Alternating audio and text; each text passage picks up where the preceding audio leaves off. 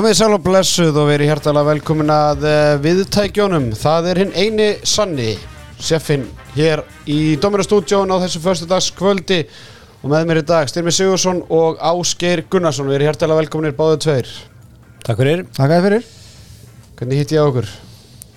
bara vel, við erum mættir þannig að, að þú hittir vel á okkur, myndi ég segja Mjög góður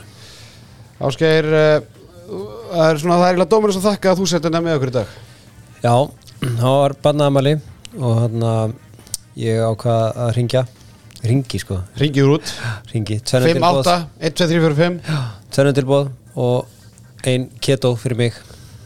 Það er svo next level að outsource á barnaðamálum hættar en að vera eitthvað bak og gera eitthvað græða, kaupa þetta allt saman. Já, já. Og, og, og Coca-Cola eða ekki? Alltaf kók, kók fyrir börnin. Alltaf Coca-Cola fyrir börnin. zero fyrir mig Það sjálfsögðu Dominos og Coca-Cola með handkastinu og eh, bílamiðstöðin Krókálsi 7 að vanda einnig með handkastinu og eh, þeir ringdi mig í vikunni og, og þökkuðu mér eh, f- eða st- voru bara þakkláttir fyrir það að eh, sjá hana 35 mann lista hjá Snorra Stein og fyrir EM og eru bara varpandi já bara kastandi frá sér hérna freyðivinunu 12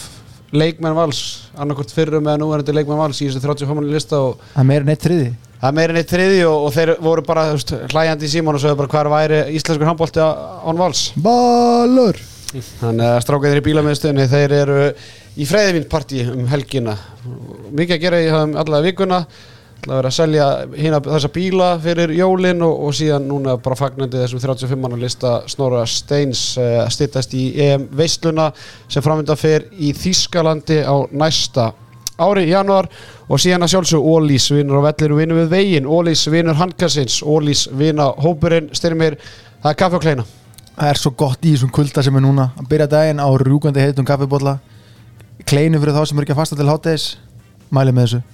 og ég meina bara kleina fyrir þá sem er að fasta til hátis líka. Já, bara Í geimana, hádeginu? geimana já, Já, hún, hún er þetta geimustu vel. Já, herðu strákar 12. umferðin 12. umferðin í Óristil Karla henni líkur á morgun með leik eh, Káa og eh, Selfoss. Uh, Geri strákarnir í hérna Rýni Endurskoðun þeir voru að velta þessum leik fyrir sér uh, hvort er eitt að horfa á leikin eða ekki? Eitthvað skilabóð til strákarnir í Rýni Endurskoðun ættir að horfa á leikin eða ekki? Já, sjálfsög, horf á leikinn uh,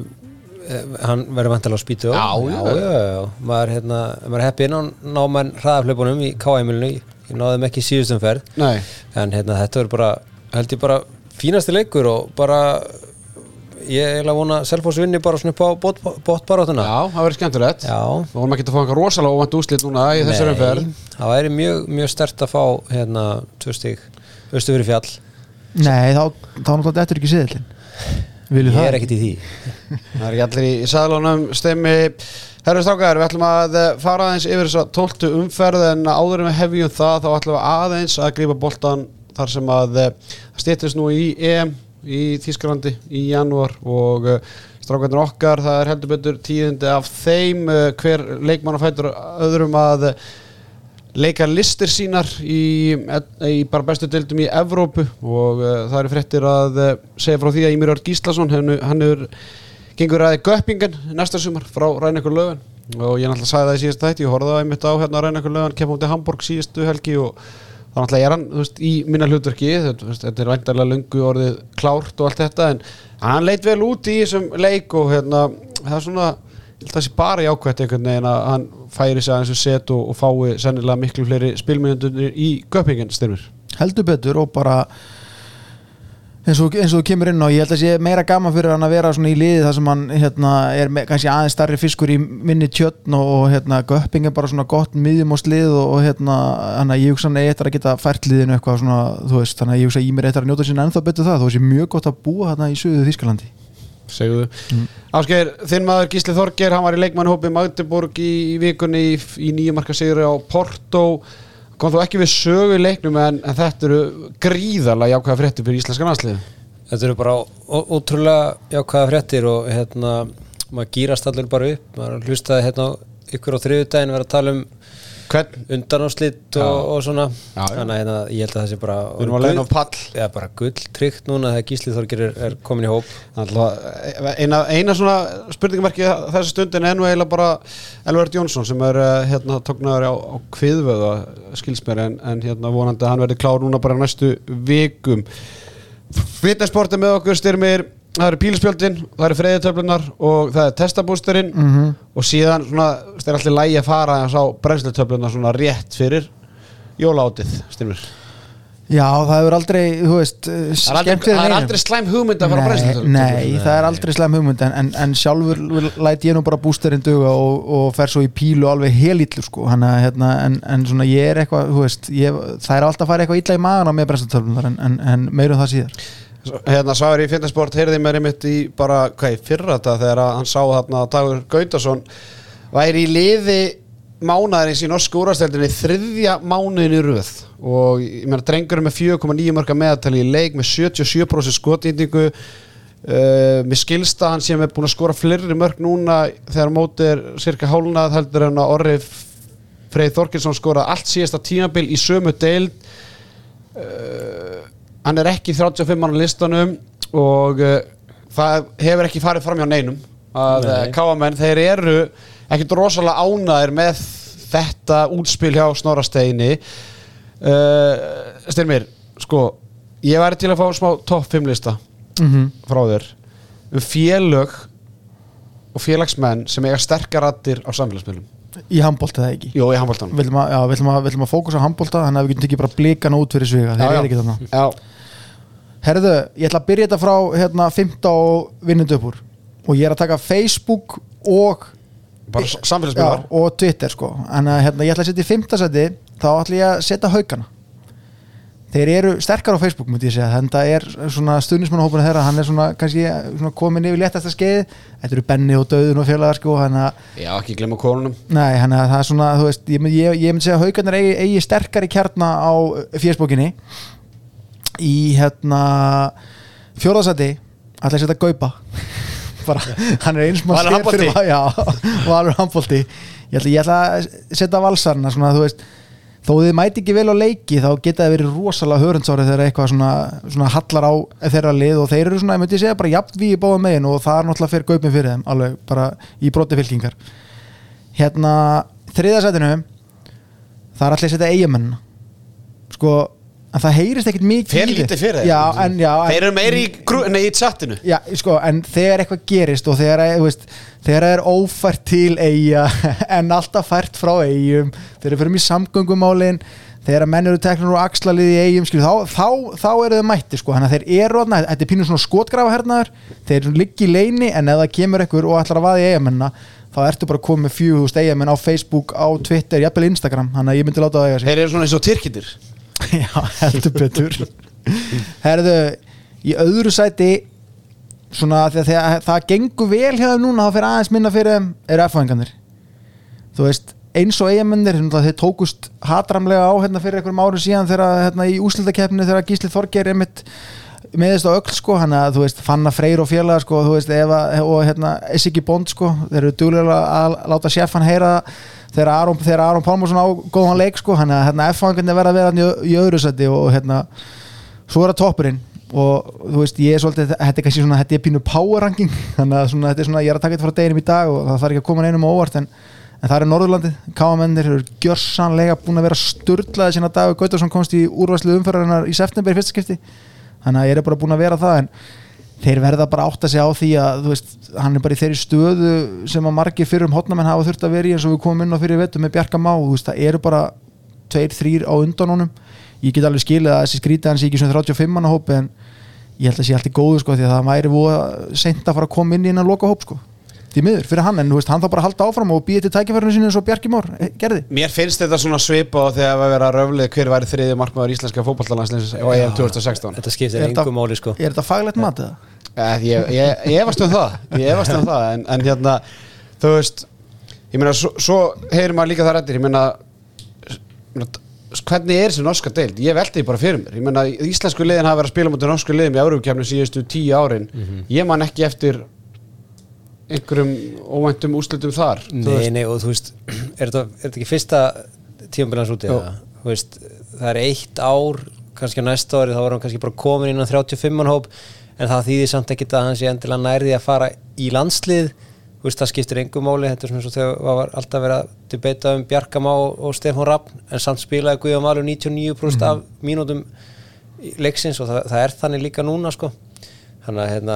og kannski er hann bara óöppin að, þú veist, í skiptustöðunum eru mikil meðisl og þá þarf hann að hafa inni menn sem eru mitt búinir að vera mikið meittir og skýsli Þorgeir og Haugur og núna Elvar, þú veist, þeir eru allir auðvitað inni og taka kannski bara meira plása, sem 35 mann hóp. En ég held að menn ættu bara, veist, hann, hann verður hann á endanum, Það er sko. finnst alltaf að káa sig að vekja aðtekla á því að, hversu vel gengur hjá Dagi Gautasun og það er bara frábært að Dagi Gautasun skulle eiga svona mikið að stuðnismönnum fyrir norðan en þú veist, hann var ekkit frábær í fyrra skilur Nei, mig og var ekki. ekki. frábær í stjórnunni og, og þú veist, þetta er svona ég meina, frábært bara að að spila vel en það er ekki nóg einhvern veginn að eiga bara hálft gott íanbíl og þú ert bara komin í einhvern hvað, hvað þá einhvern tuttumannahóp Nei, nei, og ég sá að þeir voru fannar að bera það saman við að sko Sigvaldi að vera að spila í sömu deildinni og veist, þeir eru ekki eins og sömu stöðu. Þú veist, það er bara aðeins minna úrval af hægri hotnamönnum í í, í landsliðun okkur og Sigvaldi er þokkalega búin að sanna sig á stóra sviðinu. Þannig að Dagur Gauta á bara að vera rólegur og, og hérna taka bara sinn tröppugang rólega og hann fer vonandi bara frá Nóri innan tveikja ára Nákvæmlega. Herðu, akkurat segjum skilið við eh, þessa umræðu og eh, við eh, ætlum að fara bara að fjalla um eh, 12. umferðina í Ólís deild Karla og við ætlum bara að byrja á já, stórleik umferðinar við ætlum að skella okkur í Mósesbæin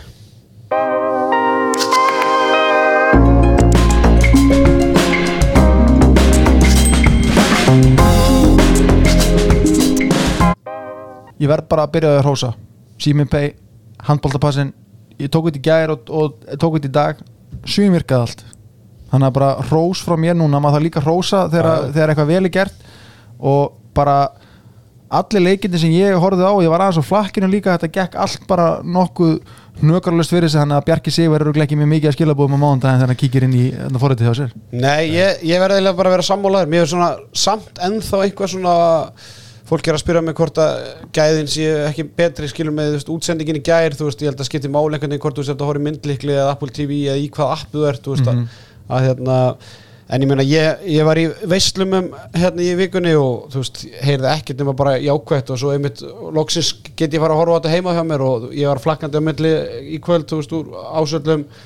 byrja allir víkinni, þar er þetta bara fjandi góð útsending skilur mig en, en það er ennþá þú veist, svona hraðablöpin og þegar að hérna, hákanginni fór að taka haugarnar umferð skilur mig þá veit, kann, kann man ekki alveg hvað hann á að vera sko, veist, það er heldur ekki það er eiginlega ekki nægilega gott einhvern veginn þegar það er 15 sendur eftir og þú sér ekki boltan sko, þú veist, af því að þannig eru leikmenn út um allt. Þannig að það er ennþá smá hnögraðar en, sko, en svona það sem að mér þótti vænstum þetta var eins og, eins og í gamla dag mamma ringdi mig í gæði til að ræða leikina því að hún sá núna leikin á sjónarbi var símans. nána með Aron. Já, hún var svolítið ána með hann og hérna, eins og sé, mamma náttúrulega sá aldrei leikið þegar þetta var hérna á Suðurlandsbrutinni þannig að það var gaman að heyri mömmu og aðeins að fara í leikið með henni. Já, já, og svo eins og í, í kvöld í, maður gæti verið með hérna, Haukar Háká í símanum og staðið svo fyrir fram á sjónvarpi og verið með hérna, fram gróta líka. Þannig að þú veist, maður var að sjá, maður að sjá fullt af leikjum en ég er svo sem að sammála þessu með þetta fer smá í taugarnar á mig með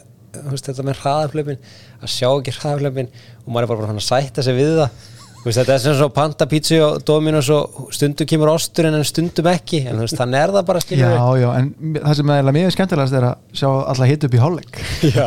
þar fer gerðugrindin alveg sko, yfirum hvort líðið verið valið? Herru, förum í Mosesbæin þar sem að stórleikur umferðinar fór fram Simin Pay leikur umferðinar þar sem að F-fangarnir unnu þryggjamarka sigur og afturlíku 32-29 Stór skemmtilegur leikur þar sem að markvæslan var ekki í hávöðum höfð en uh, það voru tveir leikmenn sem að voru að skara fram úr. Það var Þorstjalli og Gunnarsson í liði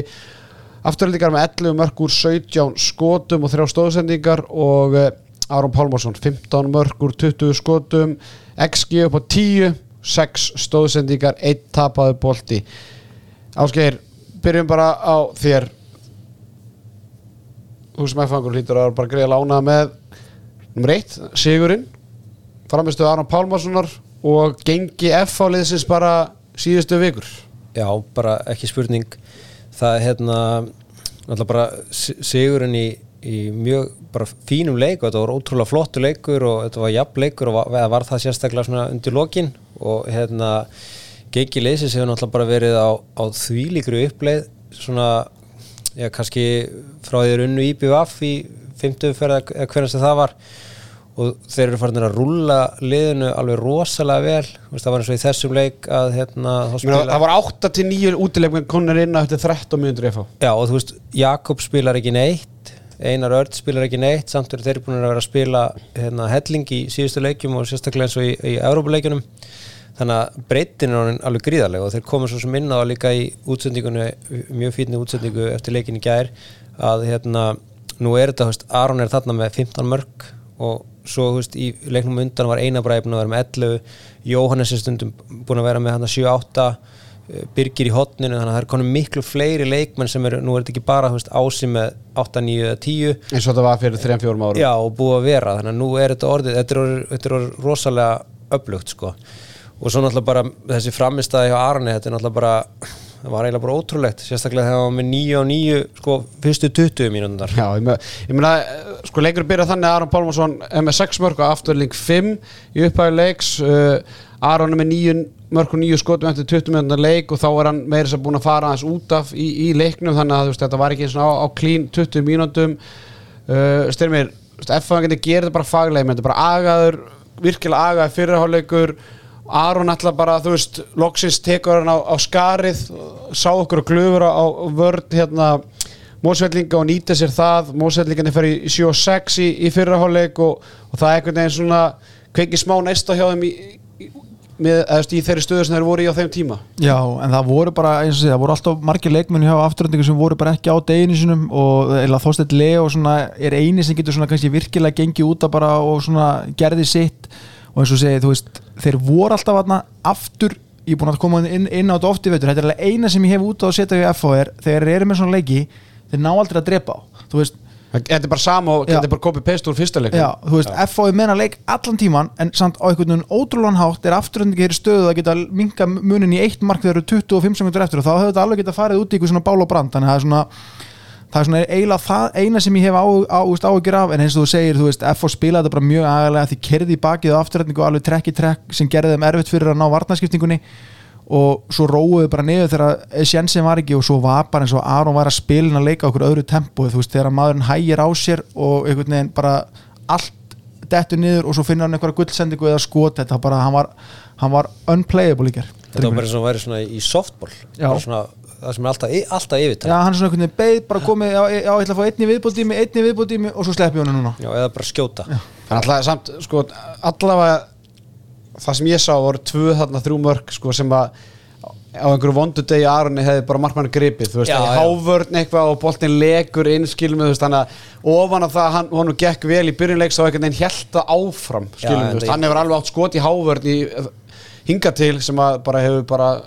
droppað fyrir fram á Mér markmann síndist hann bara glotta þarna við 15. markið þegar að Já, ég- þannig af háverðinu inn og hann, hann Brynjar hefði átt að taka það í markinu sko Ég trúi því alveg. Herru, Gunni Magg, þjálfari afturlingar, hann segir viðtalið eftir leika munan og liðanum sé Aron Pálmarsson.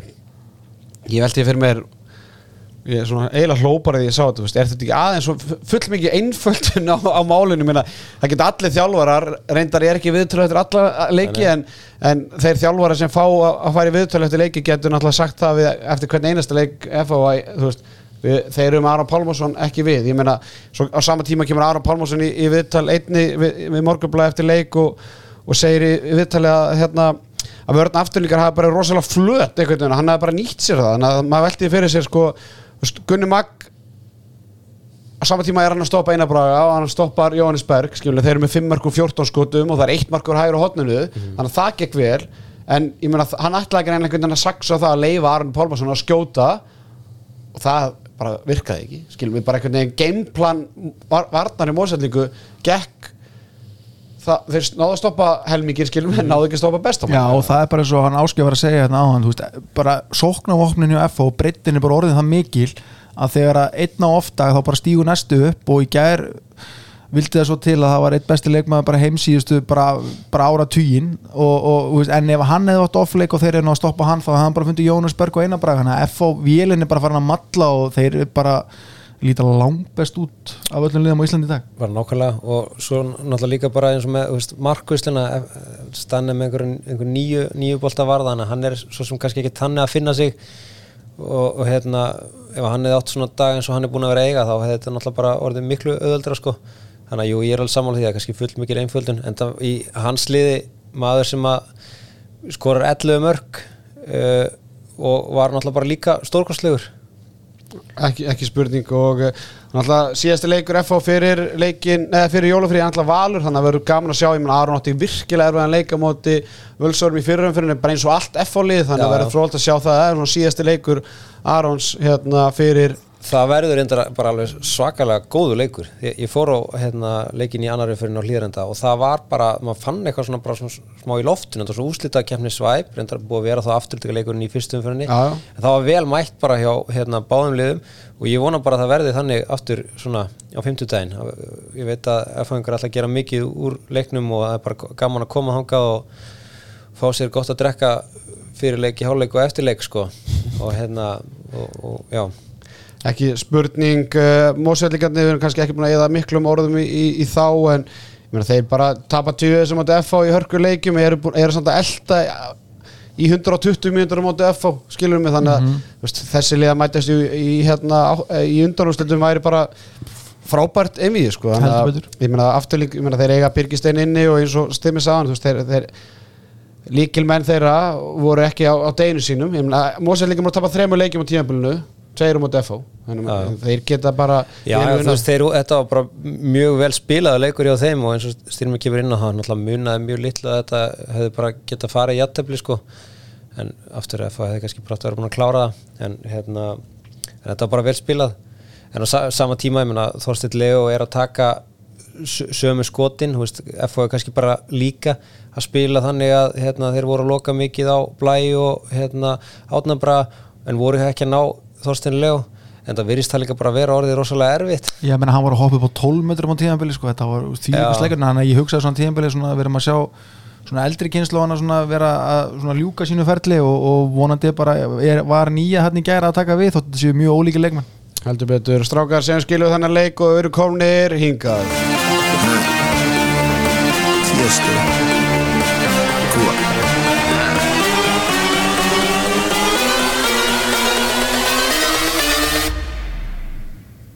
Bring that ass back like a boom, boom, boom, boom.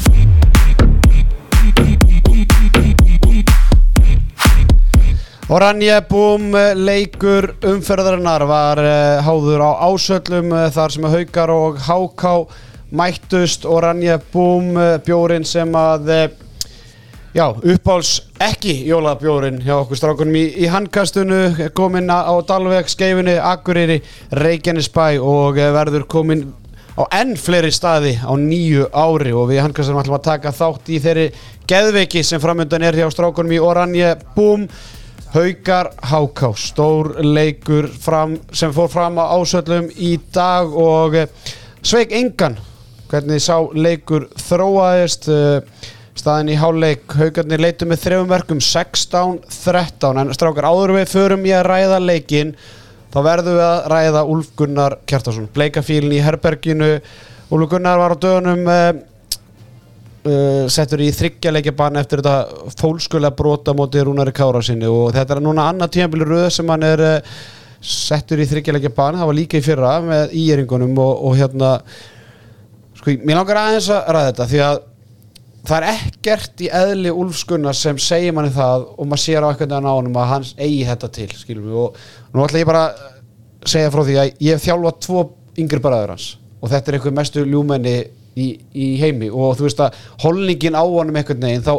þetta er bara eins og hann bara bara sjá svart einhvern veginn eða skilum við þetta er svona er ekki, hann er ekki með stæla í 60 mínútur.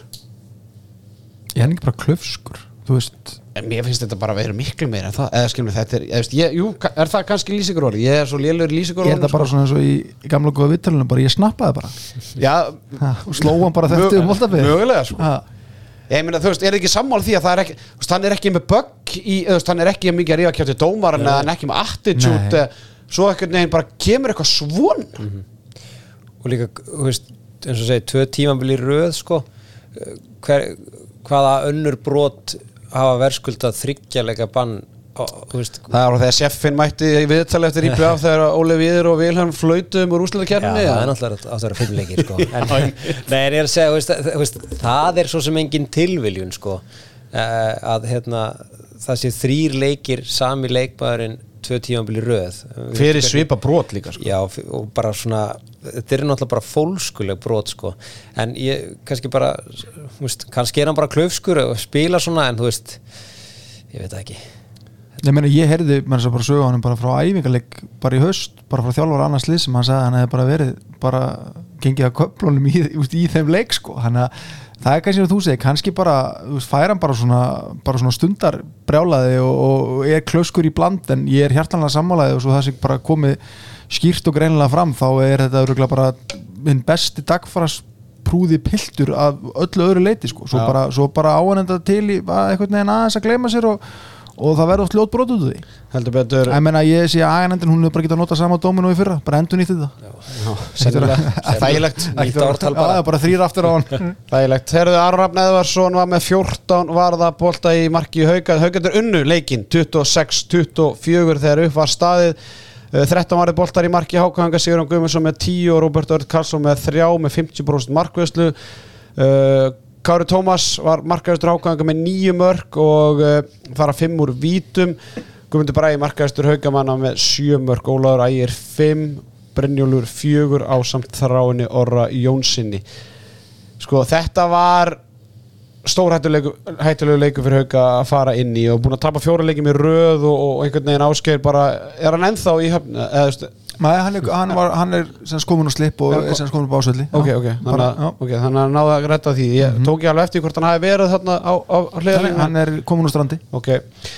Stefara Sigurmannsson, hann var komin aftur í leikmanna hóp Hauka, hann skaut einu sinni í leiknum og það var snúningur sem að endaði fram hjá markinu. Hann er og reynda með tvö og Já, já, fyrir ekki, hann skoraði eitt mark, já. Og svo snýr hann einu sinni fram hjá markinu og, og hérna, sangat okkar heimildum þá var bara mjög, eðst, var svona 50-50 bara hvort hann myndi spila hann leik hann ætla búin að glíma með meðsli, fór í axlaragerð og, og hérna var bara ekkert vita hvort hann mætti spila hann leik en þeir greinlega tóku þá áhættu og maður er velti það ekki líka því að hópurinn er bara mjög er mjög þunnur og Ég vildi fara yfir þetta, það vantar Úlgunar já, það vantar Guðmund Tólmar það vantar Geir Guðmunds. Mhm. Það eru fleiri sem að vantar hann Þráin meðist eitthvað eða ekki eða er svona hálfur? Já, hann- var samt í hóp. Já, hann er annar löpunni já Já, ég held að það sé upptalið. Já, þú veist, sko síðust tveir- Kristófur Máni er greinilega eitthvað slappur líka hann kemur ekki til sögu en það er, þú veist, það eru hérna fjóri leikmenn sem að Þú þekkir ekki? Nei, sem maður þekkir ekki. Nei, nei, ég meina Ásker Bræ á línunu verðs að spila eitthvað í setnafleik þannig að, þannig að haugarnir voru fáliðaðir en uh, þeir sildu þessu í, í höfn. Sildu ekki strand í þetta sinn og, og sildu þessu í, í höfn en uh, á mikil spenna undir lokin og ég held að Sigur Jefferson, ég held að hann sopni seint í, í nótt, hann klikkar hann að hraðahlaupi þegar einhverja 5-6 mínútur eftir og fæ síðan á sér ruðning í vinstra hotninu hákáðingarnir ég, ég ætla bara að fara strax í þetta. Í loka sóknunum þá voruð með línum hann á miðunni Kristján Otto, hann var á miðunni að stjórna spilinu, jú vissulega leist hann síðan inn en í síðustu tveimur sóknunum þá leist hann ekkert inn. Þannig að maður sé að bastið að vera að basta yfir sig áttur hana já bara vi- virkilega virkilega að pasta yfir sig og ég meina Kristján, hérna, Kristján Otto skora síðasta mark ákvæðinga í leiknum með undirrættaskoti á, á miðunni þú veist þetta er auðvitað líka meðslavandræði hjá, hjá HK þú veist það má ekki taka, því, taka það af þeim en ég meina Hjörtur Ingi með 2 mörgur 6 skotum Kristófur Ísak með 0% eða 0 mörgur 2 skotum Atli Steinn spila lítið og, og kemur sér ekki á blað þannig að hefur, hefur hann ekki spilað bara lítið bara frá því að hann var með nýju mörgum bóti viking eiginlega. Bara eiginlega ekki neitt sko. Eiginlega. Þannig að þú veist, jú, Haukur Ingi hérna, ungi strákun hefur stíðað hans upp en, en Ásgeir, það má, má ekki taka á honum. Hann var að reyna í með slegt og á tíðanbili var Össur Haraldsson í þristurum í 16 ára já. Þá veistu að það er komið vesen Þá er vesen. Já, þá er vesen Þá er vesen. Já, hann var þetta mjög fín á miðjunni hérna, örgulega búin að leysa það áður Já, svo, já, já, hann er alltaf alveg upp bara sem miðum að já. ríklokum og svona og svo breytir hans í vistur átta sem hann sé tækifæra að geta að spila þar í úlíkanasliðinu Já, en það voru alvöru, alvöru hraði hérna, sérstaklega undir lók fyriráleiks þegar þeir bara keiriðu alveg tvisvar eða þrísvar í þeim og hérna, með hann og Guðmund Braga og þá hvað Birgir Já, en, en hann var í vesinu vartanlega í þristunum skiljanlega, en það, var, en það var maður sem var kannski tengið af leikið sem fjallum undan, það var maður sem hafði sambandið um mig í, í hálfleik á þessum leik sem hafði verið í Mósusbænum í gæð líka og hann sagði sko bara Guð minn almáttugur munurinn á gæðunum í þessum tveimur leikjum er bara sjokkarandi Já. þannig að Já, ég meina, í gær voru að tala um bara topplið þarna eru haukar og háka og þetta er bara lið í, í bottom 6 já, hann var samt talað bara, þú veist, gæða munurinn var Já, svo já. gigantísku Já, þú veist, ég skil það, ég endi bara leikmannahópar bæði afturlingar og, og FH töluvert betur en leikmannahópar. Hauka og háka og sérstaklega haukar eins og staðin er akkur núna bæði nýkonur og slip og með marga leikmenn frá vegna meðsla þannig að, en ég meina, þú veist, ég held að haugandi taki bara þessi tvö stygg, þú veist, þeir voru bara stálhefnir, þú veist, hákaðingandi voru náttúrulega brjálaður undir loki þeir náttúrulega, þeir náttúrulega skora. Já, en þá átti eftir að flauta. Já, þú veist, þeir Og- skora eftir fríkast og Já. þú veist, þá er Hjörtur Ingi að jafna metin og ykkur að 15 sendur eftir. Já. en þá átti Jónas eftir að dæma hérna eða flauta fríkast á, þannig að það var alltaf rándýrt moment. Já, og svo missaði boltan út af vantarlega þessari hérna, fríkastreglu Já, þú veist, hendi var bara, þú veist, þeir voru búið með sendingarnar og hann tók auka sendingu þannig að, þú veist, þegar 15 sendur eftir og einu flauti frá Jónasi er hákangi bara búin að jafna metin og þessi leikur er ekkert að enda með jafntefli, þannig að úrslit, mm. í leiknum segja kannski ekki allt sem segja þarf, en það var leikmaður í liði hauka strákar sem var fyrir einelti í kvöld og uh, við sendum bara okkar barðu kveðjur og, og fordæmum slíkt að uh, árið 2023 sk- séu leikmenn fulla, bara fullandi leikmenn að, að lendi í því að uh, vera að gera það sem þeim finnst skemmtilegt og á föstaskvöldi og, og verða fyrir svona miklu einelti já, ekki bara í beinni útsendingi á spíti og heldur bara fyrir framann fullt af fólki. Þannig að uh, hugur okkar er hjá Adami Hauki Bamrúk leikmanni Hauka og bara góðum félag mínum við spiluðum upp uh, yngri flokka hjá Haukum og, og mér þykir bara gríðarlega leðilegt að, hafa hort upp á þetta einelti og mér fannst ég að vera svona þáttakandi í þessu bara með því að vera að horfa upp á þetta. Þú voru nú að útskýra þetta aðeins. Já, ég meni, ég get gert það. Hann fær því þessum tvær mínútur í þessu leik og fær rauðaspjaldið uh, þegar það er einhver tímundu kortir eftir að leiknum og ég sá ekki fyrstu tvær mínútunar en ég sá tvær með tvö og tvær mínútur þrjú. Og þetta var ekkert annað en bara venilu fríkost. Mm. og uh,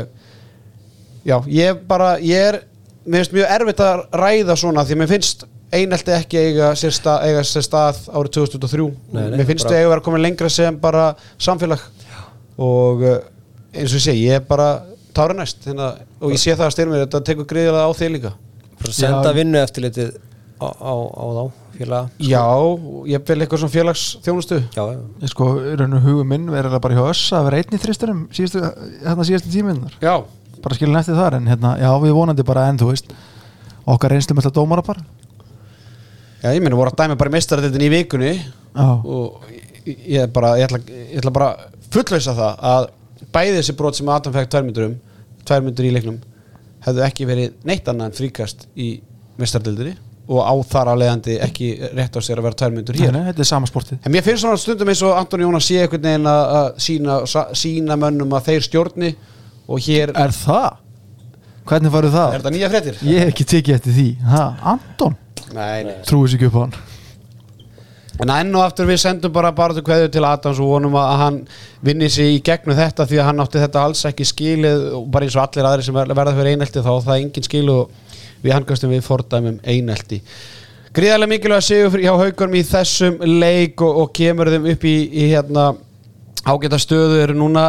12 sti, nei 60 frá fallsæti svona það, þeir eru alltaf voru farnir að hræðast fallsætið, þeir alltaf voru svolítið nálægt í, í fyrra en, en bara velgert Ásker Örna að koma þér bara á lappir eftir erfiðar vikur og, og hérna klára þennan leik því að þetta var stór hættulegu leikur en er eitthvað við þennan leika að bæta styrmir? Nei, haugunar eiga stjórnuna í lokaleik fyrir jól í næstu umferð og, og menna, geta unnið, eða þú veist, geta farið inn í jólafríði með tvo sigur á bakinu og þú veist, þá einhvern veginn er þetta bara allt annað dæmi fyrir þá þannig að Þetta er satt allt annað dæmi en þetta er samt ekki svona eins og í fyrra á sama tíma þar sem að þeir voru í sama skýtnum og ég bel aðeins neðar að þá var alltaf verið að býða eftir þú veist, þá var þráin að koma inn og Aron Rafn var ekki Tjörvi með og- Tjörfi og eitthvað svona maður sér það ekki alveg það er engin sko. von, það er lítil von. það er að lítil von Herðu, förum í leikin sem framfór í Víkinni þar sem að Víkingur og Valsmenn mættust og eh, Ég skal segja ykkur það að vikingarnir þeir voru tveimur mörgum yfir í hálfleik 15, 13 og sannfærandi en þá virtist þess að uh, sögunni hafi lokið hjá vikingum því að þeir skora einungis 6 mörg í setna hálfleik og fengu á sig 14 Já. töpuðu setna hálfleiknum 8 mörgum og þar alvegandi leiknum með 6 mörgum 27 21 ég ætlum ekki að eða ómiklu tíma í þetta en mér langar samt að rósa vikingum fyrir frábæra fyrirháleik því að þeir voru með valsarana í köðlun það er bara og í rauninni sko fram á 40.50 já, ég sá ekki setnáleikin þannig ég eiginlega veit ekki hvað gerðist. Nei, en það er bara alveg fram á 40.50 mínútu þá hérna, er þetta bara ennþá jafnleikur en bara þú veist ég meina, þú veist, Bjöggi styrmir, Bjöggi vinnur hólukefnina í þessar Já, umferð. já, ég hef mitt fór strax að tjekka því eftir hann leik. En ég ætla bara að segja eins og peppar og ég er fyrir EM núna í janúar þá bara, mér líst ekki á einhvern veginn spír, spíralinn sem Björk er í að því ég veit að hann verður í hópnum það er ekkert að fara að breytast Nei, nei. og hann er bara búin að vera síðan í þessum tveim leikjum mútið færiðum bara búin að vera lélugur og ólíkur sjálfum sér ég veit ekki hvort að þessi uh, faðir tími sem er oft talað um í íþróttum sé farin að banka hjá honum eða hvort að hausin sé einhvers staðar annar staðar en veist, við einhvern veginn verða að fara að sjá veist, það er valsar að eiga tvo leiki fram að jólum og, til að, og DF á afturlíku Já. sem er bara og ég einhvern veginn bara verð að því að þú veist, ég verð að fá að sjá bara í framistöðu frá honum bara svo ég fari aðeins róleri inn í janúar. Þannig að þú veist er ekki gott að klukka nýju bolta á eða tíu bolta á móti þessu vikingsliði með allir virðingu fyrir því að því að við vitum öll að svartfjöldarland og ungverjar eru með aðeins betri leikmenn heldur vikingar heldur betur, en þetta er svona annar, annar leikurinn hjá val og stöðu tíma sem að þeir eru bara undir meira og minna allan leikin á móti li- liðum í botbarður á móti gróttu en vinna síðan gróttu með tíu vinna þennan leik með sex mörgum en mér, svona, ger ég nenni ekki að tala meira um að leik, ég ætla bara að beða, afsökunar en mér fannst bara valsarðin voru bara lélegir í- eða, fannst, ok, jú, valur voru lélegir skilur mig, en á sama tíma vikingarnir gerði þetta fáránlega vel þess vegna verði ég að horfa á setnáleikin því að Já. þeir spiluðu sóknarlega fáránlega agað hægt, sammála því. voru að, spi, voru að klippa þau sundur voru að spila einfalda sendingar á línuna sem línum var bara vel staðsettur og, og þeir áttu ekki séns Bjöggir alltaf varði ekki í fyrra og samanskapið þá verð Daniel Andri Danni lokar lokar sko. Lo, já, hann, Danni vera, vera loka 15 skot óöguð skot tapa bolta, klikkar hraðaplumum klikkar línufærum, klikkar hotnunum þú veist, ég er svona mér finnst þetta að vera svona gamla góða valur eitthvað, svona, eitthvað sem að Snorri Steinn náða að breyta einhvern veginn í fyrra þar sem að þeir voru bara á, e, sko, á flugöldasýningu hverjum einasta leik. En mér finnst þetta að vera svona orðið aftur gamla góða valur eitthvað þegar að bara já. þú veist, þeir nefndi ekki öðru hverju leik. En það s- samt svo sem kannski má ekki líka gleymast að að það náttúrulega vantar þeirra held ég besta mann sem er jú í 35-manna hópnum líka Magnús Óli einn af þessu sex eða? einn af þessum sex og hérna, ma- maður hugsa bara skilur eins og með önnur lið þú veist eh, hérna þetta tók einhvern tímann power rank á hverja væri þrýr bestu leikmennir hérna ólistildarinnar þú veist, ef þú geti valið hvort það væri ekki bara Magnús Óli, þú veist, Aron og Rúnar Kárasson mm -hmm. verður klæðin að Þorstill Leo núna þú veist, maður hugsa ef að fyrir hinn liðin líka skilur, ekki það að valur á að vinna og þeir gera það, þeir vinna leikin með sex mörgum og hérna, þannig að ef maður myndi bara horfa á, á úslit leiksins þá halda bara að þetta hefði verið bara örugt og Já, já. fínt skilur en ég er bara að segja þú veist þeir eiga hann líka inni og hérna eru bara hvað stegum á eftir F og eiga leikti góða sko Já, já, eiga F og afturlíku þannig að þú veist, mm Mhm. ég meina Valur getur verið á toppnum bara, eða hvað, geta þær ekki verið á toppnum eftir, Jú, þeir, þeir geta verið á tónum já, ég meina þeir geta verið á toppnum hérna fyrir jólafrí, þannig að það verður fróðalt að að sjá það. Daniel Griffin og Gunnar Jónsson voru ekki á, með vikingum í, í kvöld og, og Styrfi Sigursson var veikur í nótt og, og það er svona sást alveg á, á hans leik að, þannig að e, bara kútos á vikinga fyrir frábæra framistu í allavega 40 minnur og, og en valsmenna enn og aftur að vinna leik þrátt fyrir ekki ynga stjórnu framistu og, það skal virða það svo sem að, að lokum uh, Eigamennir þeir fóru létt með stjórnuna styrmir, þú horfðir á þann leik stjarn IBF endar með 13 marka sigur 39-26 eftir að verið 6 markum yfir í háleik 19-13 uh, sko Arnón Viðarsson markaðastur eigamennum með 7 mörg Gauti Gunnarsson 6, aðri minna hjá stjórnumennum þá var Starri Friðriksson markaðastur með 10 mörg Hergir 6 og Þóri Tandri 2 þú veist þetta eru 10 mörg, 6 mörg og síðan 2 mörg liðin hafa mæst tvíveis í, í vetur. Bæði skiptin hafa eigamenn farið illa með stjórnumenn stimmið þú skelltið til eigi og horður á þannig leik. Já, en ég let, ætla bara segja hlustunum það, ég lét 20 myndur næja. Ég sá strax bara í stöðunni 16.10 í hvað stemdi. Ég heyrði á klippistofunni í morgun að hérna, stjórnumenn hefði farið frá Þólasöfn út af því að eh, nýji dallurinn er í slip og gamli notaður og hann komst vist ekki inn í landeirhöfna hann hugsaði ok, þryggja tíma siglingaferð og svo þegar ég stilt inn þá sá ég að Tandri Már Konradsson var glímaði eitthvað smáveli meðsla en hann satt á bekknum hann að ég eiginlega bara vissi eftir fimm minna leik í hvað stemdi gífurlur hraði í byrjun í þessu og liðin bara skiptust á og komin einhver 12 mörg eftir nýju mjöndur en svo bara sildu eigamenn yfir þetta með gæði og fleira og hérna ég var svona fylgjast með þessum leik svona bara á hápi stats meðan ég, meðan ég held mig bara á nesinu það sem var, það sem var meiri spenna, meiri en það síðar. Og bara eigamenn sildu, bara kaffsildu stjórnumenn og ég vona bara stjórnumenn helli vel í sig í kvölda því þið komast ekki heim eftir leik og, og hérna aðeins svona segja, þjættir aðeina fyrir síðasta leikin gegn haugum í næstu umferð. Það er, áskil, mér langar eiginlega að taka bara boltan loftið þar, það er það er síðasti leikur stjórnuna fyrir jól og uh, auðvitað voru haugarnar að klára hákanga núna í kvöld en stjarnan verður einhvern veginn að sína smá lit í þeim leik eftir, sko fyrsta lagi bara þeir eru með sjö stig í tíðarsættu deildanar tapar leik með 13 mörgum þú veist, þeir verða einhvern veginn að snúa böku saman og, og, og mæta og, og sína einhvern veginn að þeir hafa einhvern áhuga á þessu. Já, þú veist, talandi von á hann eins og hjá haugum, þú veist, maður sér ekki alveg svona hvernig þetta á að snúast við hjá stjórnunni og svo að hannar sé að reyna öruglega eins og hann getur en þetta er bara ótrúlega flatt og hérna þeir eru bara í bullandi uh, botbaróttu og ég, ég, er, ég sé þá ekkit fara og taka haugana sko. Ekki með þetta. Nei, Nei, en þú veist, ef að haugarnir eru að glíma við eitthvað svona svipa svona, þú veist, meðsló er ekki að endur enda menn fyrir leikin, þá ekki þetta verður bara þú veist, ef að stjarnan mæti þokkalegt leik þá verður þetta bara hörku leikur, þú veist, stjarnan þú veist, það er tækifæri fyrir stjörnuna að vinna haugana ef að, ef að þessi nöfn sem voru frá í kvöld eru líka ekki á næsta hundudag, en það þarf að sína smá efkin spirit Það er eiginlega ótrúlega þegar maður pælir í því að stjarnan og FH hafi gert jættöfli þar sem að stjarnan átti eiginlega að vinna þann leik. Það, mm -hmm. það segir bara þann, við höfum séð það í allan vetur og það gerir þess að deild það einn skemmtilega hún er að þú veist það koma svona óvænt úslit þó að það er, þó að þessi úslit hafi ekki komið í þessar umferð en þú veist það er stór hættulega við þess að deild einhvern veginn að þessi, þessi ójöfnu leik eða þessi hérna ójöfn, eh, hvað sem var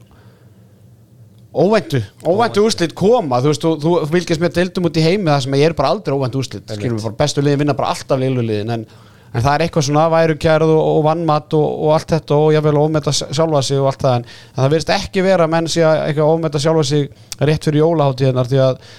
allir leikindir virtust fara svona eftir bókin en uh,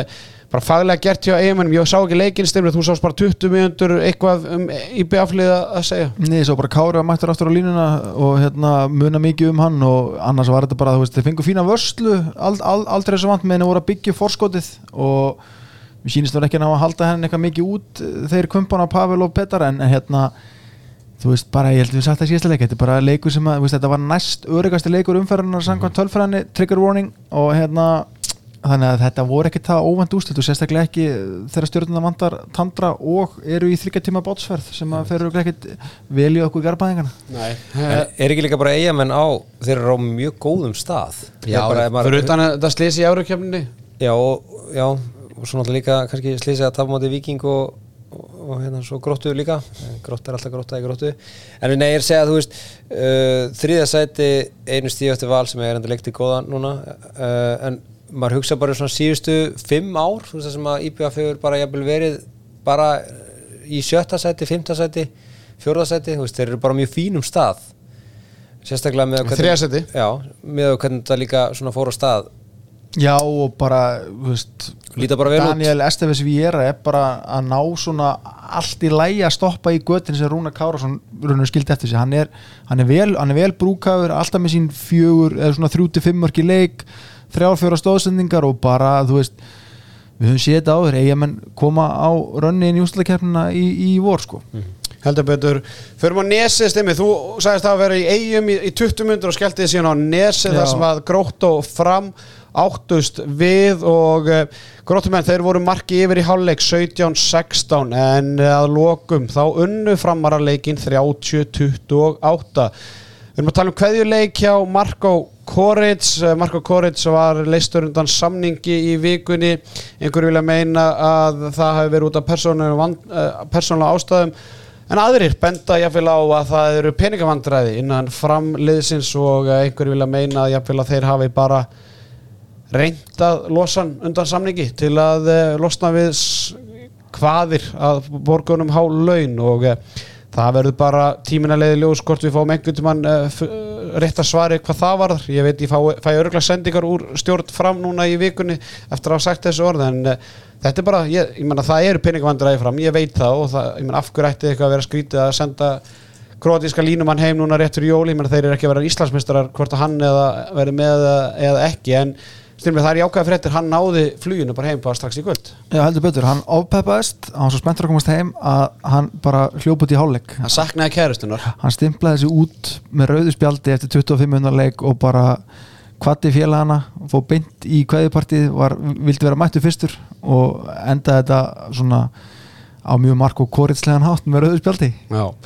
En á, á þeim, þeim tímabóndi þetta var í stöðinu 13-13 gróta leiðir hann í háluleik með einu marki hvernig spilaðist setni háluleikurinn styrmir? Sko, setna áleikurinn þá breyta framarar og þeir sem fara í 5 vörna sem er smetla að tryggja garðari fyrir framann Ég er sá orðið- það, var í bullandi já. Já, sem er, í, sem er mjög, orðið mjög vinsælt þessi eigavörn, hún er búin að það eru mörg lið búin að taka hann upp og setja sína stærstu og sterkustu menn þar fyrir framann og sko gróttumenn fundur hann er bara engin svör við þessu fyrstu 15 mínútur í leiknu þá var til að Robby bara, ég, veist, bara loksins drullast til að taka leikli hann hefði búin að gera miklu fyrr. Vissulega voru búin að klúra ykkur einu, einu tömmu detturum en þetta var svo ógeðslega mikið harkjaðum og þarna byggja framararnir upp þryggja fjórumarka fórskot sem einhvern veginn svona virtist næja þeim til að vinna hennar leik en svo náttúrulega kemur smá hyggst í þetta í lokin og þetta verður jafn leikur en svona þarna finnst mér svona framararnir svona leggja draugin að því að vinna leik á fyrstu 15 minnum setna leik fengur hraðaplöp, ódýr mörk í tóntmarkið og, og, og fleira. Heldur betur uh, sko það, sem að uh, komir kannski óvart er að uh, Japanin í, í gróttumarkinu Shuhei Nariyama með 46% markvæslu með 11 varða bolta, eina baldu með 8 grótta með 19 varða bolta í þessu leik og meðan framararnir eru með samtals 11 varða bolta.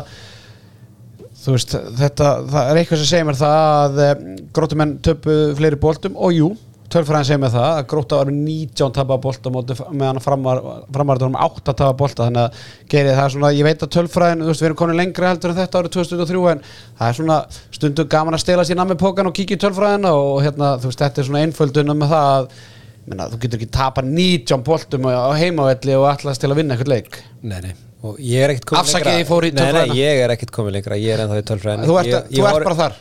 Enda þú veist, ég hef aldrei spilað leikin en ég er þessi sem að hérna, nota tölfræðina og, og hérna, ja, erum mér bara, við, hana. erum, við erum komin lengra en, þetta. En, en, en það er samt mjög gott sko að Geiri stóð sér vel í leskilinskölunum og Písa hann að hann getur lesið úr tölfræðinni. Já, já, já. En eh, það segir mér það vissulega. Bara fyrir utan það 19 tapaði bolta nú spyr ég þig, svona sem ég held ég að kannski spurt það þess áður. Þegar þú varst að þjálfa hvað, hvað var óásættanlegt? Allt undir 11-12 var bara fínt eða skilur þá bara average skilur Já. mig, þú varst komin yfir 12 þá var þetta orðið allt og mikið. Skilur mig, þannig að þú veist, fjórir fyrir áleik 5-6 setni, þú veist, kringu 10-11 bara allt í Og- lagi. og líka það sem ég var á allt svæðinu. undir 10 er bara mjög gott eða skilur þá einhvern veginn, þú veist, þá ertu bara tekur í leiki eftir töpu bóltanum og líka það sem ég var á svæðinu og ég bara tók dallin beint frá eigum og beint út á nes að þú veist framararnir voru að skora mörg úr fyrstu bylgju eftir þessa teknifilla sem er svo rosalega dýrt þú veist, þú bara, að þú missir boltan og fóði mark þú veist, beint í bakið, oft í að já. einmitt. Mhm. þannig að þetta, var, þetta voru dýrir 19 boltar sem þeir töpuðu í svona leik sko. En það, það er oft talað um það einhvern veginn að línu séu farnar að skýrast og, og með þessu sigri hjá fram þá er þeir, þeir ski- skilja bara gróttuna eftir í sér botbart og það er svona, það virðist vera sko haukar og, og hérna káa eru svona í, í limbo en einhver starf, hvort er alltaf að vera bara í miðjadeild eða einhvern veginn að blanda sér í, í þetta 4-5 sæti en, en ég meina hefði fram tapað og gróttað unni þá hefði gróttað fyrir 10 og, fram hefði verið 13 en núna meina 7 stigum með þessu liðum Já. þannig að þú veist það er svona línurnar framarar ætla að vera fyrir ómiði svona, þú veist, við erum í efri svona, svona, Já, já. þe- þeir eru í efri millistéttinni. Já, já. eru þeir Og- ekki bara fimmtasætti, Jú, bara jú, bókað? Og sko það sem ég veist sterkastuðin að sigur að fram er að Rúna Kárásson er ekkert með í þessu leik. Hann spilar eitthvað 15-20 myndur í fyrirháleik og gerir ekkert eint voðalega mikið. Svo sest hann bara á bekkinni setni og tryggugarar leysi bara hægri skiptuna. Þannig að þessi leikur hjá frömmurum eins og ég kom inn á byrjun, hann vinnst eiginlega bara á varnarvinnu og fyrstu bylgjur hraðaplöpum af því að í uppstiltu sóknarleik þá var þetta pínu gælt eðlilega. Menn að Tryggur Garra er búin að vera í, í, í bastli þegar hann er í vinstri skiptinu í vetur. Þannig að hann var svo sem engum greiði gerður að vera réttundur í hægri skiptinu en en, en, en svo ég hrósi honum líka svona, veist, þá var hann ótrúlega góður í Einmitt. En hvað er sko að því að framarar eru þarna í 15 seti með jafnmörg og afturölding og uh, svona, maður bara pælir í hvað þarf fram, hvað þyrti fram samt til þess að, nýjan línumann já, væntalega núna. En líka bara fruta það, þú veist, maður er svona alltaf verið svona að tala um að þeir séu kannski að spila svona yfir, yfir pari en samt, þú veist, Þú veist, ég held bara einhvern veginn að þeir voru bara í náttúrulega meðsla vandræðum í upphæðu tímabils og í aðdannanda tímabilsins voru fáliðaðir. Uh, fá dagfannar Möller línumann með tvö mjög seint skilum við, eru konni með Jóhann Karl Reynesson þú veist, núna er það að missa Marko, þú veist, Rúnar að koma nýrin í, í leikin þú veist, þeir, eitthvað svona, hvað er þetta, þriðja tímabilið þar sem þeir eru með nýjan örfenda leikmann skilum við, þú veist, að, Vilhelm Pálsson var allt í öllu, svo kemur Lúka og síðan kemur Rúnar þannig að Þorstur Gauti meittur í upphæði tímabils þannig að Tryggvi Garðar fyrsta skipti með eitthvað hlutverki meistur þannig að það var svo mörg púslispil sem átti eftir að púsla ég meina Lalli var í, í fristikistum í upphæði tímabils þannig að segja þetta eða, hugsa tilbaka hvernig við tölum við fram í upphæði en, en staðan var bara þannig, Já, framarnir voru lélir upphæði tímabils en það að missa núna Marko Koric þú veist þa- þetta er bara peningamandræði Mhm. skilum við, veist, og, og það er grátlegt af því að, ég meina, það, Rúna Kárásson er ekki fríkeppis skilum við, hann einhvern veginn þú, að, þú ert að vesla Rúna Kárásson og, og, og, og, og greiða honum bara fólku fjár en samt ekki, eða einhvern veginn samt alveg vel fjari ég er eiginlega viss um það að ef að fram var ennþá í byggarnum þá væri Marko ekki að fara heim. Þá myndi hann ekki sakna kæristunar Eh, jú, hún er hér held ég. Vilja það ekki bara eigna spatnið í Króatíu? Var það ekki, veist, ég, Var það? já, ég, held, ég held hún sé hér alveg með honum sko, ég held ég langi bara að eigna spatnið út í Króatíu. Þannig að hérna en ég er eiginlega eins og hann einaringi þegar hann kom til okkur en daginn talaði um einhvern veginn að ef þú ert dóttun og byggatum á þessu stíði málsins og er kannski ekki að fara að vera Íslandsmestari þá er svolítið erfitt að halda þér svona Einmitt. Nafni er komið, Einar Ingi Rapsson verður með fram eftir tímil, eftir ármut það. ég, ég minna það bara ein- einhvern veginn þau eru að leysa þessa stöðu, herru strafum við erum komin hingað Hún vill fá pretty, pretty, pretty boy um jólin Hún vill að líkti vel, syngi vel Allt sem að hún óska sér. Jólasveitnin, hann kemur í nóg Herðu, Jólasveitnin hann eh, kemur í nótt. Er það ekki rétt mér eða? maður, hann kemur á Nei, mánudaginn. nei, nei, nei, nei. hann kemur á mándags aðfarnótt þriðudags eða ekki Æ, ok, en PPG hann uh, lígur stundum að stelpunum og hann lígur líka stundum af sjefanum uh, Nokko leikmaður 12 umferðanar að þessu sinni. Já, Þeir- heru, nei, ég ætla að leifa þér að kynna þetta bara, Nú? Já, bara til að róa F-fæðingana og sérstaklega Sigga Bond. Oh, Eftir frábæra framistu í Moselsbænum og átti stórleik er uh, Nokko leikmaður 12 umferðanar haldið ykkur fast Aron jólin. Hún vill að líkti vel, syngi vel Allt sem að hún óska sér. Jólasveitnin, hann kemur í nóg Hann kemur í nótt eða ekki? Jú, Jólasetning kemur í nótt og Aron Pálmarsson hann kemur í, nótt heim til ykkar uh, kæru hlustendur. Sko, ég meina Aron Pálmarsson nýjórðin fadir, eða segir maður þetta þegar maður eignast ekki sitt fyrsta barn, þú veist, hvað segir maður? hvað nýjórðin, nýjórðin afturfæðir. En einu sinni. En ég meina þú veist oft var að eigna spatnum Já. Já, var eignast barn nummer tvö en uh, og þá, er oft svona erfið dagar til að byrja með en, Nei, samt ekki, af því hann veit hvað hann er að fara út í sko. þetta er þessi kenning okkar á bara við um fyrsta bann sko. Þannig að ég held að, ég held að þetta sé bara þetta auki á hamminguna ok, þannig að þú veist þetta var bara að skrifa í skíðan að myndi vera með 15 mörg er er en, en eins og ég og þú rættum um hérna, þú veist, þú veist, þá, þá var þetta það sem ég og þú voru búin að vera að kalla eftir að við reiknum með að sjá þetta í svona 8 af 10 leikjum frá Aron að hann myndi bara gjörsanlega taka yfir þessa del sko. Samanlega þið gerir það Já, ég meina ég verða Þegar þú kveiktur að- að sjóna símans í gær. Bjóstu við þessar framistöðu? Nei, ég er enda bjóst ekki við þessari framistöðu En mér fannst þetta, þetta breyttist í hérna, IBF-leiknum, fannst mér. Þá var hann hérna, búin að vera á með veist, þrjú af þreim mörgum eða eitthvað og svo allt hennu gerðist eitthvað og hann endaði bara með níu eða tíu mörg og, og eftir það hefur hann bara verið, verið uppgangur. En maður heyrði það líka svona eins á hérna, í, í kriganum að hann hefði verið svona eins í byrjun verið að reyna að koma skrokknum á sér í lag og verið svolítið mikið að fókusera á bara styrki löpum ég, nú kannski var maður að dreyma þetta, ég veit ekki. En að hendin myndi svo bara koma. Það er bara lögð meiri áherslu að það setna með. Og þess vegna held ég að það hafi enginn verið að fara eitthvað á taugum með það og örgulega allra síst hann. Og, og hérna, Steini líka. Og ég, man, ég var hérna einu sem þegar Steini var að tala um að þeir væru bara að, að nota hann rétt, væru bara kvílan spilaði ekki á móti viking og í fleiri leikum þetta fannst manni að skrítið en það meika samt rosalega mikið sens núna því hann spilar mjög mikið eins og í leiknum í gær. Hann spilar eiginlega bara allar sókninar og, og va- varnarlega þegar þess þar þegar ná, ná ekki skiptingunni og voru þeim megin. Þannig að hérna, hann er náttúrulega bara komin í rosalega gott stand, maður sér það alveg og þetta segir það sér sjálft þegar þú ert með 15 mörg í, í leiknum. Heldur betur eh, nokkuð leikmaður umfyrirnar, 12 umfyrirnar Aron Pálmarsson og e, þá erum við bara komnir hingað upp á slið barnana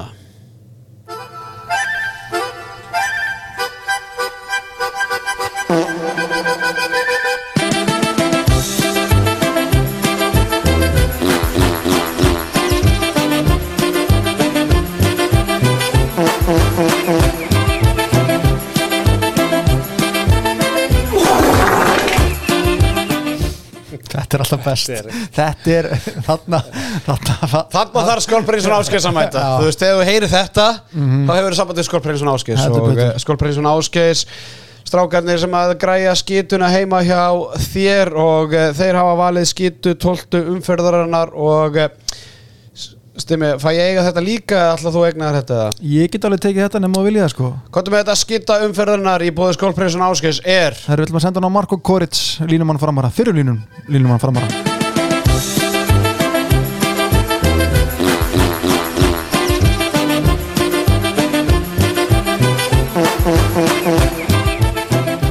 Já, bara eftir að ræða við og hvort við sendum þá í að hreinsa íbúðina sem hann er að tæma núna eða hvort við sendum hann bara til Króatíu og, og þar en, en, en við munum fara yfir það með strákunum í skólprinsun en þetta er náttúrulega þetta er sorglegur endir, við, við munum sjá á eftir honum. Heldur betur já, þetta er svona, þetta er stór spurning svo ég er með að veltaði fyrir mér ætti hann að fara, ég vil og í klefan á nesinu, skilur mig, þú veist skildan eftir sig einhverjar hérna, óhreinandi í skólplögnan þar, skilur mig, þú veist, þetta ég, ég treysti því bara að áskil sem færi bara myndi þetta, myndi bara stór Já, höfuborgarsvæð og Já, og kannski bara þegar stjórn fram hefur samband við þig eftir að hafa hlusta á hana þátt þá kannski bara segja nokkuð hvert um að senda Já, heldur betur ekki spurning með það. Herðu, þetta var upp, uppgjör uh, 12 umferðarnar í handkastinu og henni líkur náttúrulega á morgun með leik Káa og Selfoss. Og eh, hvetjum hlustundu til að gera leikin skemmtilegri með strákarum frá Íslandi Herðu, strákar nú er það mál máluna Vók fyrir heimilið. Uh, Vók fyrir heimilið stiður umfjöldun handkastins um íslensku landsliðin á stórmótum á þessu tímabili. Valdi Gríms og krakkarnir þar og þau eru öll hlæjandi í bankan þessa dagana enda Ísland að leika við hversinn fingur í fósetta byggarunum þessa, um þessar mundir. Risa sigur gegn Grænlandi uh, í gær. Var það ekki gær? Jú, það var í gær, gær. og framundan leikur gegn Paraguay á morgun Uh, ég man ekki alveg hvort ég lasa en á samfélagsmiðlum HSI eða Kvennakassis, það verðist vera sami rítvöndur sem er að rita bæði inn á Kvennakastið eða HSI en það er stemming á æfingunni hjá Íslenska Kvennalandslínu Já, já, ég held ég að líka lesa það í viðtali það sem við vorum að tala um í síðasta þetta að þú veist, kannski verður þetta bara jákvætt fyrir stelpunar, það er komið svona smá gleðin í hópin, það eru, það eru að fara að vinna leiki. Og ég eins og segi, ég vil fá fósættabekkarinn heim og ég vil fá hæsta styrk frá ISI nýri hanglæðinsambandi því að við erum eina landsleið sem er að skilja titlum. Já, ég menna þú veist, við erum að fá bara skemmtilega myndir hérna á æfingunum þar sem að stelpunnar eru bara er hún að berja hana? Nei, nei, það er eru bara Þetta er bara, já, einhverju jútó Já, Júdó en, en eins og segi, ég ég, ætla ég veit ekki hvað, er þetta kvennakastin eða HSI ég sé ekki Já. alveg á Ég hvaða það samsmyndir En eins og segi, Hefur en- viljað fá leiðilegar myndir eða? En svona öllu nei. en, en, en svona öllu gríni sleftum með styrkin frá ISI og það til hliðar þá ætla ég bara að setja smá pressu á þetta að við vinnum þetta því að mér finnst þetta að vera ein grillaðasta og geggjaðasta keppn á sama tíma í heiminum. Og við fáum heldur ekkert að upplega það hverju ára að vera fórsetabyggur Það heldur betur ekki. Og ég held að stelpunna séu alveg fattan að sjá veist, bara gleðin í því að bara við erum að fara, við erum að fara að taka fórsetabyggan er að koma heim. Já, það er bara Hvað er eh, annað sterka, sterkasta liðið, þú veist í fórsetabyggarnum ég vildi geti sagt þér að Paraguay og svo, svo Kong- Kína Já, svo er hinum einu Kongo Íran eru mjög liðlegar. Fóru Kamerún áfram? Ég ég Kamerún var að tapa núna í, það er í Já. millirilum sko. Það hérna- er gott að sleppa við Kamerún hérna í, í hérna í fórsetabyggarnum en þú veist st- sko við, við sko munum tala um þetta þess að þeirra stráka þegar unnum mér, ég er bara orðið svo svo sigurviss einhvern veginn, en ég er bara ekkert að hugsa skiptir Það er hann bara, það, er enginn að fara að stoppa okkur úr því sem að koma Nei, nei. er þú veist, það er bara einhvern veginn fyrir mér er það bara þannig, ég meina við getum alveg farið yfir þetta, Síle með tvö sti í, í hérna tvö, Mhm. skilur mig og Kongo líka og Kassastan og Íran hérna er að skrapa botnin en mér finnst líklegt að þetta verði annarkvært Síle eða Kongo sem við munum mæta um fórstætta byggarinn Já, maður bara njóta þess, þetta eru, þetta framandi þjóðir og maður er bara sér nýr þetta ekki- tækifæri, nýr dagur Já, já, já. Herðu, við erum komnir hingað.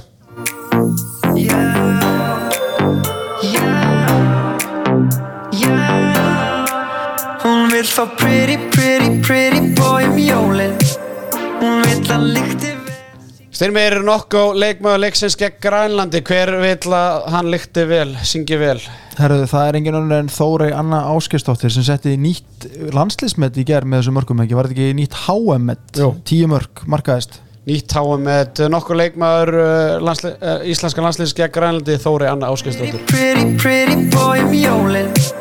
Hún vill að lykti vel, syngi vel Allt sem að hún óska sér Jólasveitnin, hann kemur í nótt. Heyrið það strákar, Jólasveitin kemur í, í nótt og uh, ef ég þekki Þóri Önnu rétt þá er hún með skóin út í glugga í Fredrishán uh, Það er spurning hvort maður byrja þetta 10. des og láti Pretty Boy vera fyrsta jólasun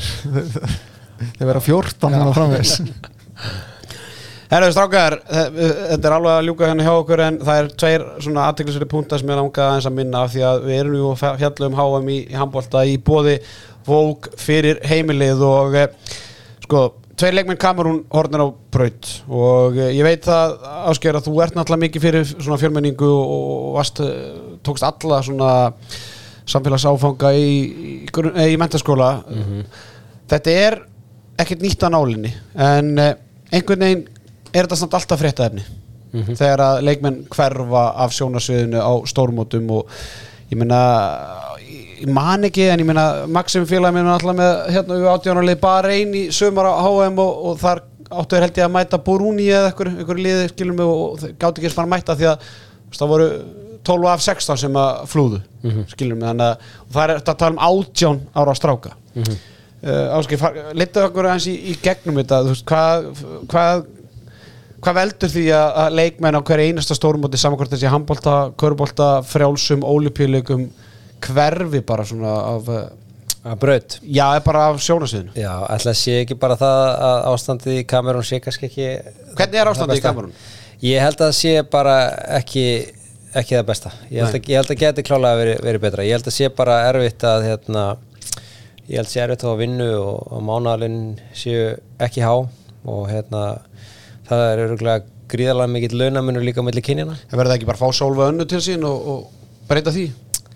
Nei, svona öllu gamni sle, sleftu þá held ég nú að það Sólfa Anna get ekki græða það? Nei, ég hugsa hún get ekki græða það. Arnarsveinn getur græjað það. Það er nóg annað fyrir hana að gera hér. Já. En hérna, nei, nei, ég held að þetta sé bara Þú veist, örgulega erfiðar aðstæður sem að er verið að reyna að sleppa úr og ég held að fólk sé ekki að gera sér þetta einhverju gamni, sko. Nei, nei, og enda sá maður líka bara þjálfari leysins, þetta komur mikið sem það mikið óvart sko, hann sagði